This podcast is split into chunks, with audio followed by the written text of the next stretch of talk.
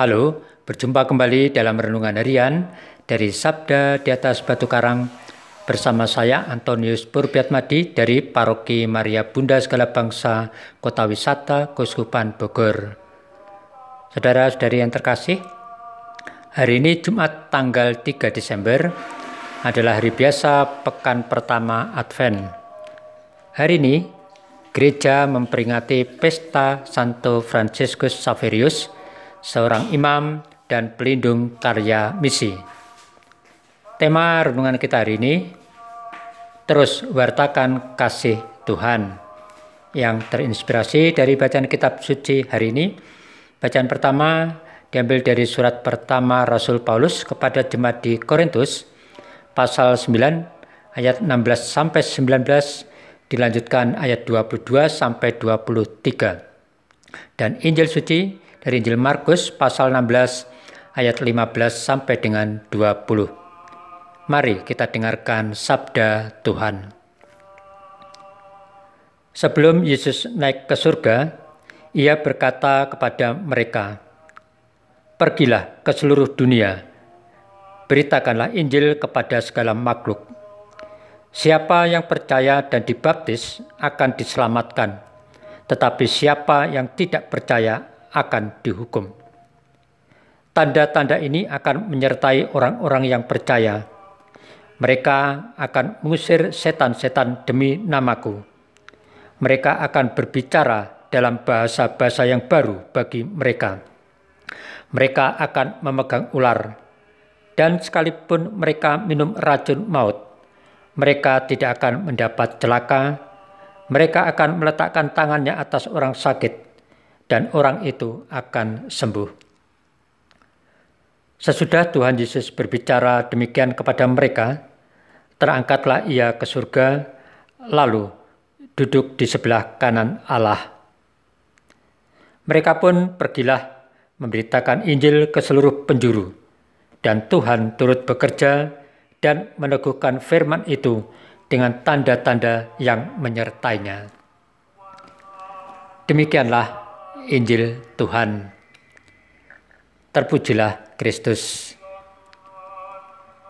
Saudara-saudari yang terkasih, hari ini gereja merayakan pesta Santo Franciscus Saverius.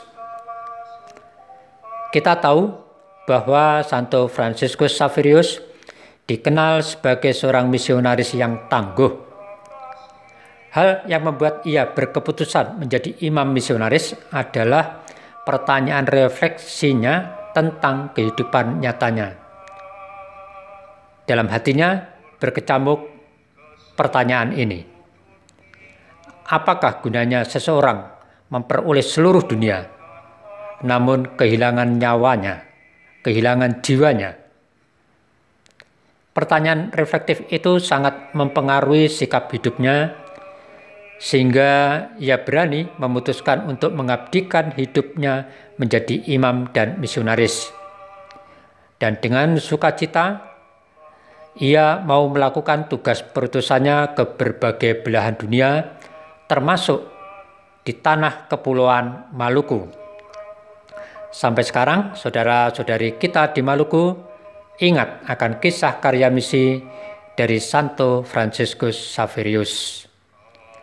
Saudara-saudari yang terkasih, sebagai orang beriman yang telah menerima karunia Roh Kudus lewat sakramen baptis, kita juga diutus oleh Tuhan untuk menjadi pewarta Injilnya untuk pengembangan kabar gembira. Bagi mereka yang terpanggil untuk hidup bakti menjadi imam, biarawan, atau biarawati, tentunya mereka siap sedia untuk diutus menjalankan tugas perutusan misi sesuai pekerjaan atau daerah misi. Namun, bagaimana dengan diri kita yang sudah berkeluarga? Lalu, apa sih sebenarnya bermisi itu? Apakah bermisi itu harus pergi jauh keluar daerah dan membuat banyak orang menjadi Katolik? Saudara-saudari yang terkasih, Sebagaimana yang Yesus sabdakan hari ini, tugas perutusan pewartaan Injil Tuhan itu tidak saja dalam artian kita harus bepergian ke berbagai daerah seperti yang dilakukan oleh para misionaris. Tugas pewartaan Injil Tuhan dapat kita lakukan dalam lingkup kecil, mulai dari keluarga dan lingkungan kita sendiri. Di dalam keluarga misalnya, kita bisa bermisi dengan melakukan hal-hal kecil yang bernilai ajaran Tuhan, misalnya lewat saling melayani dengan penuh kasih atau saling meneguhkan kehidupan beriman anggota keluarga kita. Dalam lingkup lingkungan tempat tinggal atau tempat kerja, tanpa kita harus mengutap kutip ayat-ayat kitab suci atau tendensi penginjilan, misalnya dengan mengunjungi warga, tetangga, atau rekan kerja yang sakit. Itu pun sudah merupakan bentuk misi kita secara nyata.